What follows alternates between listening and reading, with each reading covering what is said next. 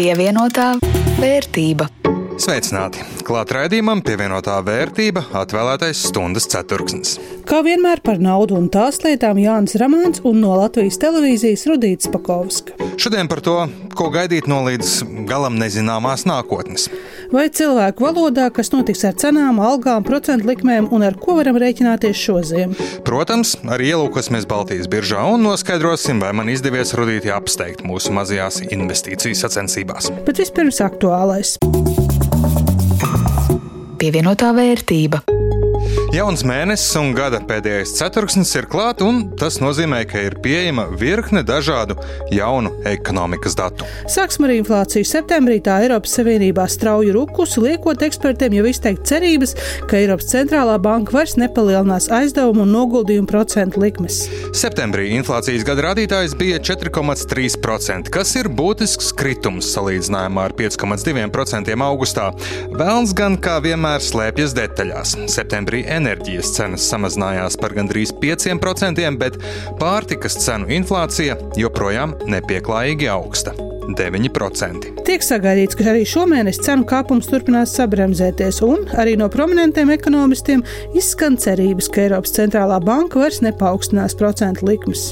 Es gan nebūtu tik drošs, jo jau iepriekš šādas cerības izskanēja, bet centrālās bankas prezidente Kristīna Legārda pēc kārtējā procentu likmju kāpuma skaidri norādīja, ka, lai gan ir sāpīgi, likmes turpinās celt, līdz inflācija atgriezīsies pie 2% līmeņa, un to viņa paredz 2025. gadā.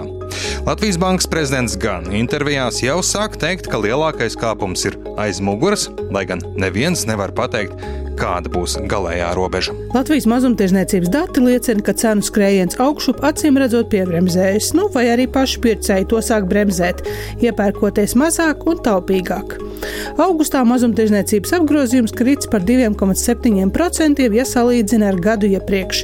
Nu, un jāpiebilst, tieši pārtiks mazumtirdzniecībā apgrozījuma kritums turpinās jau vairākus mēnešus. Tikmēr uzlabojas uzņēmēju noskaņojums, tā liecina jaunākie centrālās statistikas pārvaldes apsekojumi dati. Lai gan nevarētu teikt, ka tas ir pozitīvs, tas vismaz nav tik negatīvs kā pirms pusgada. Viena no iezīmēm te visās nozarēs uzņēmēji saka, ka pozitīvāk uz biznesu attīstību traucē skatīties darba spēku trūkums, un te jau visi vēlētos lielāku pieprasījumu pēc savām precēm un pakalpojumiem. Nu, jā, vēl noteikti jāpiemina klimata un enerģētikas ministrijas sagatavotie grozījumi elektroenerģijas tirgus likumā, kuri paredz, ka no nākamā gada lietotāji no savas saražotās enerģijas atpakaļ tīklā varēs nodot ne vairāk par 20% no sava saražotā. Nu, visai būtisks izmaiņas spēles noteikumos tiem, kuri jau uzstādījuši vai plāno uzstādīt saules paneļus vai kādus citus pašpatēriņa elektrības ražošanas veidus. Līdzinājā sistēma mudināja iedzīvotājus aktīvāk uzstādīt saules paneļus, bet tagad atzīta, ka tā neizdevīga valstī, jo saules paneļi elektrību ražo vasarā, kad elektrība lēta, bet to īpašnieki to patērē ziemā, kad elektrība dārga. Kā saka ministrija, uz citu un valsts rēķina. Nu, šāda noteikuma maiņa noteikti nevairo paļāvību, uzticību valstī un tās lēmumiem. Ja tuvākajā laikā bija plānots uzstādīt saules paneļus, ieteiktu pārreikināt vēlreiz, vai tie atmaksāsies un būs izdevīgi arī pie jaunajiem noteikumiem. Nu, un drošībai arī gadījumā, ja izdomās vēl kaut ko pamainīt, lai izdevīgāk valstī. Bet noslēdzot šīs pašas nots, laikam jau izmaiņas ir loģiskas un turpināsies vien tajā pašā virzienā, jo pērn saules un vēja enerģijas avoti Eiropas Savienībā ir saražojuši vairāk elektroenerģijas nekā jebkurš cits enerģijas avots. Tas nozīmē, ka arī atjaunojamās enerģijas avota ražošana un jaudu uzstādīšana vairs nav tik liela prioritāte, kā piemēram citas ar šo jomu saistītās problēmas. Nu, kaut vai fakts, ka lielākais saules paneļu piegādātājs un ražotājs joprojām ir Ķīna.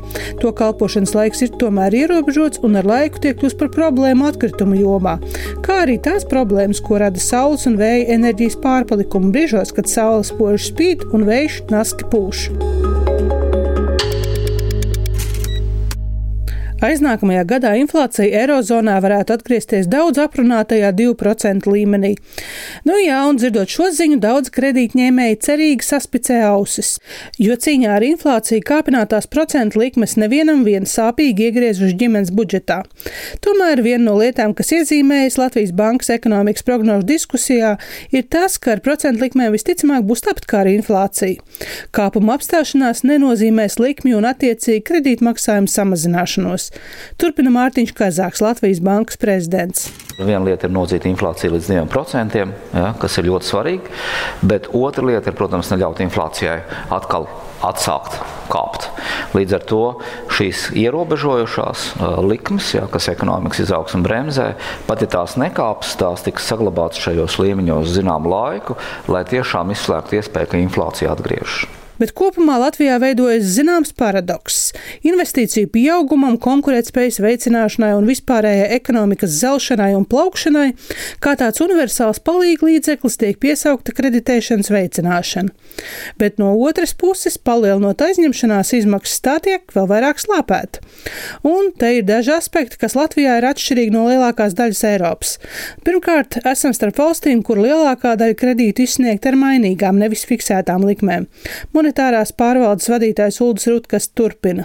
Lai gan Latvijā kredīta portfels ir apmēram trīs reizes zemāks kā Eirozonā vidēji, tomēr tas kredīta maksājuma pieaugums tiem, kam kredīts ir, Latvijā ir bijis diezgan augsts, ja mēs skatāmies uz citu valstu fona. Kopā ar pārējām Baltijas valstīm, vēl arī Nīderlanda, Portugāla, no arī Spānija, Irija varbūt tuvāk um, mūsu pieauguma līmeņiem. Bet to lielā mērā nosaka fakts, ka Um, Latvijā mājokļu kredīti ir lielā mērā izsniegti ar mainīgām procentu likmēm. Citvietā Eiropā ir arī diezgan būtisks fiksēto procentu likmi īpatsvars kā Francijā un Vācijā, un tur savukārt patērētājiem tie kredīta maksājumi nav tik būtiski sadārdzinājušies. Un otrkārt, arī pašas likmes nav starp mazākajām. Tas, ko mēs redzam, kredīta procentu likmes Latvijā, arī pārējās Baltijas valstīs ir bijušas starp augstākajām Eirozonā, ko neizskaidro finansējuma izmaksas vai kredītrisks, kas ir banku portfeļos.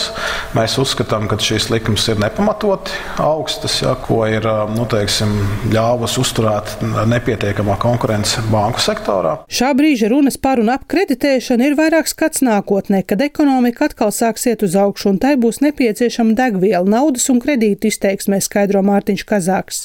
Šajā brīdī gaidīt uz strauju kreditēšanas kāpumu nav pamata. Līdz ar to šajā brīdī mēs jau labu laiku runājam par struktūrālām lietām, lai finanšu sektors darītu savu darbu un būtu gatavs straujākam kreditēšanas kāpumam, kad atsāksies ekonomikas izaugsme, ka procentu likmes vairs nekāps. Līdz ar to tas ir jautājums par nākošo biznesa ciklu. Savukārt attiecībā uz resursu cenu un dažādām administratīvām izmaksām, komisijas un tā tālāk, mēs vienkārši redzam, ka ir gadījumi, kur tas ir pārspīlēti. Līdz ar to tur ir potenciāls samazināt. Un aicinājumu bankām mazināt likmes, atteikties no administratīvajiem šķēršļiem vai, nu, lasot starp rindiņām, nekaitināt politiķus un iedzīvotājus, kur vieniem jārēķinās, ka vēlētāji tā vien gaida, kurš vairāk solīs iedzīvotāju finansiālās labklājības uzlabošanai, un otriem ik mēnesi maksājot kredītu, tā vien gribas atrast kādu vainīgo.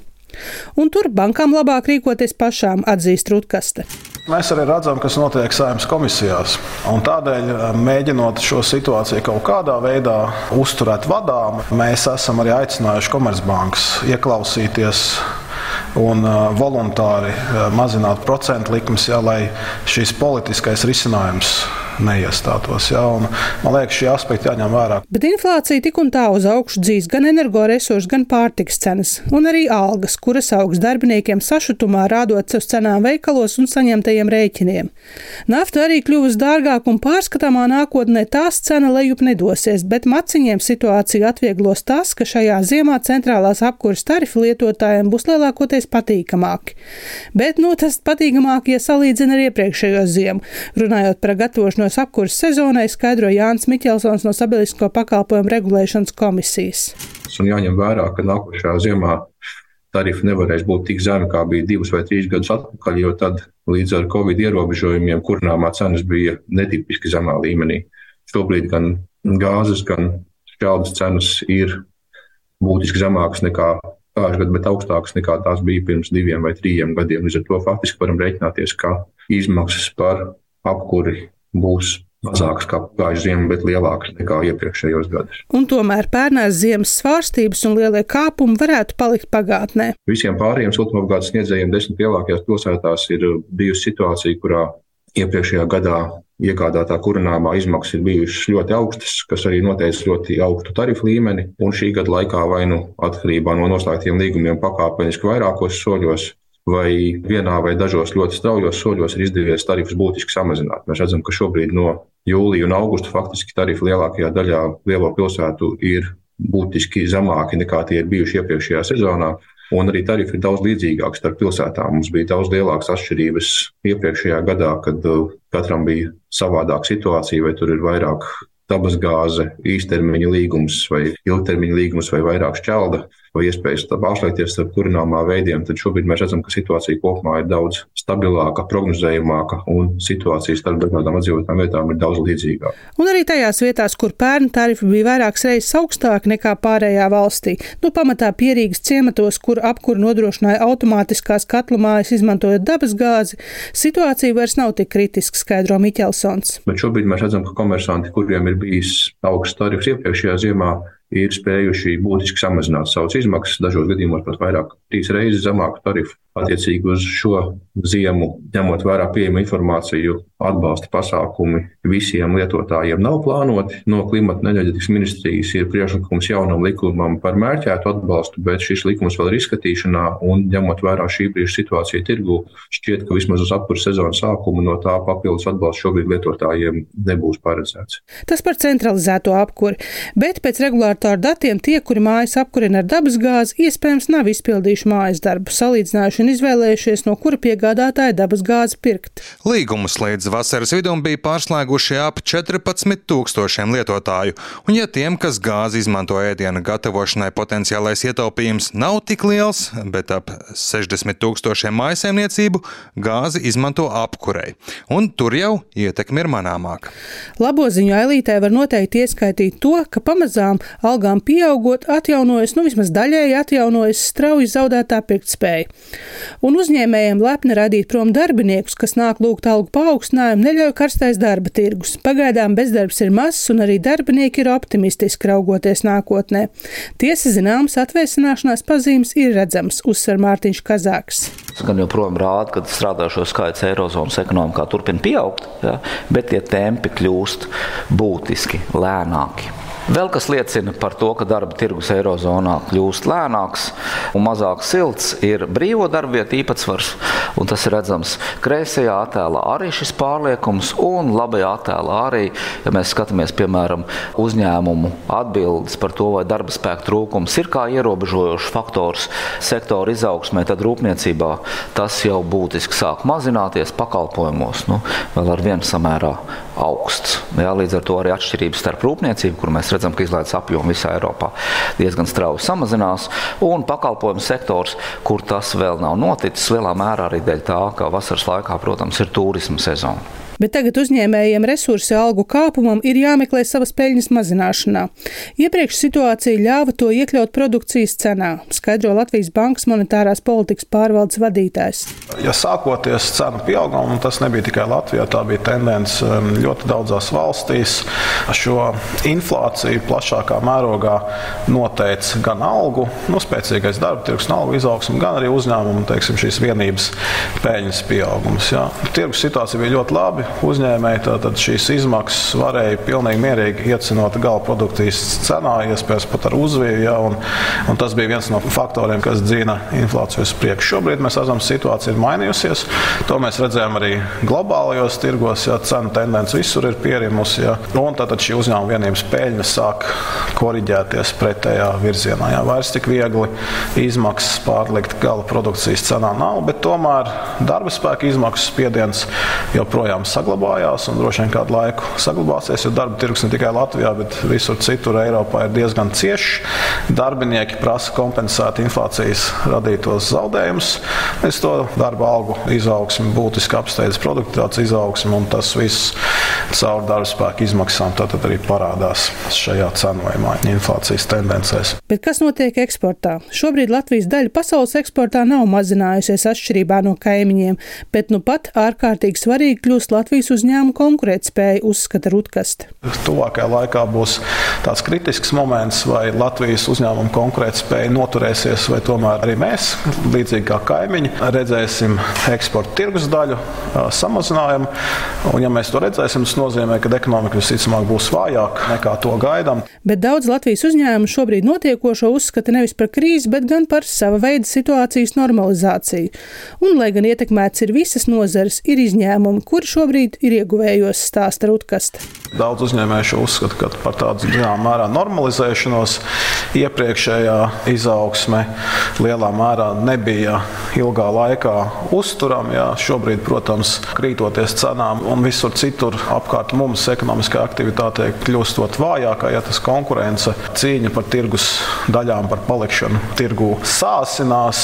Tur, protams, ir vinētāji tie uzņēmēji, kas jau saulaicīgi varbūt slēdza garākus līgumus, varbūt ar par zemākām cenām, ne tik augstām cenām, kā tirgus situācija tajā brīdī ļāva, bet šobrīd šādi uzņēmumi spēja nodrošināt savu darbību ar pasūtījumiem. Citiem varbūt klājās grūtāk, kā mēs redzam kopējā rūpniecības tendencē. Ja. Skartas lielā mērā visas nozares, un tā vairāk skarta ir būvmateriālu ražošanas nozara, kas papildus cieši arī no teiksim, tā, šī ar nekustamo īpašumu, ar būvniecību saistītā cikla lejupslīdē, kas ir faktiski gandrīz visur diezgan izteikts. Pievienotā vērtība.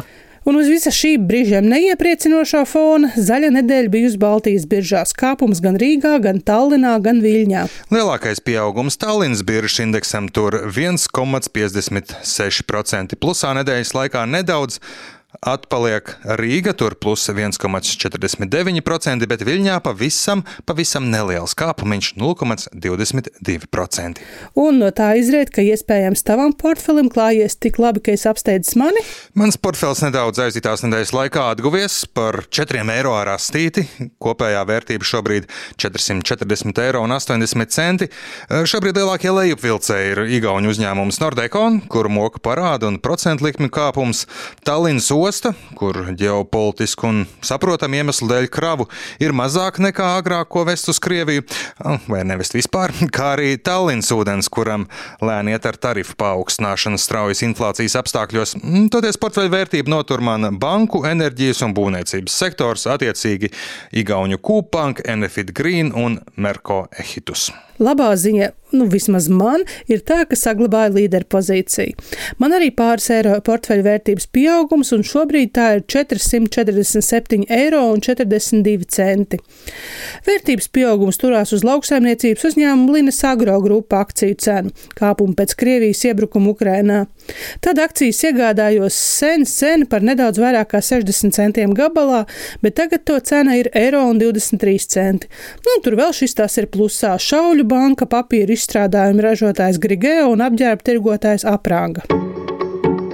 Ar to arī izskan šīs nedēļas raidījums pievienotā vērtība. To veidoja Rudīts Pakausks no Latvijas televīzijas un Jānis Ramāns. Par skaņu rūpējās Renāša Steimans. Atgādinu, ka šo un visus iepriekšējos vairāku gadu garumā raidījumus var dzirdēt Latvijas radio arhīvā, raidierakstu vietnēs un arī Latvijas radio aplikācijā.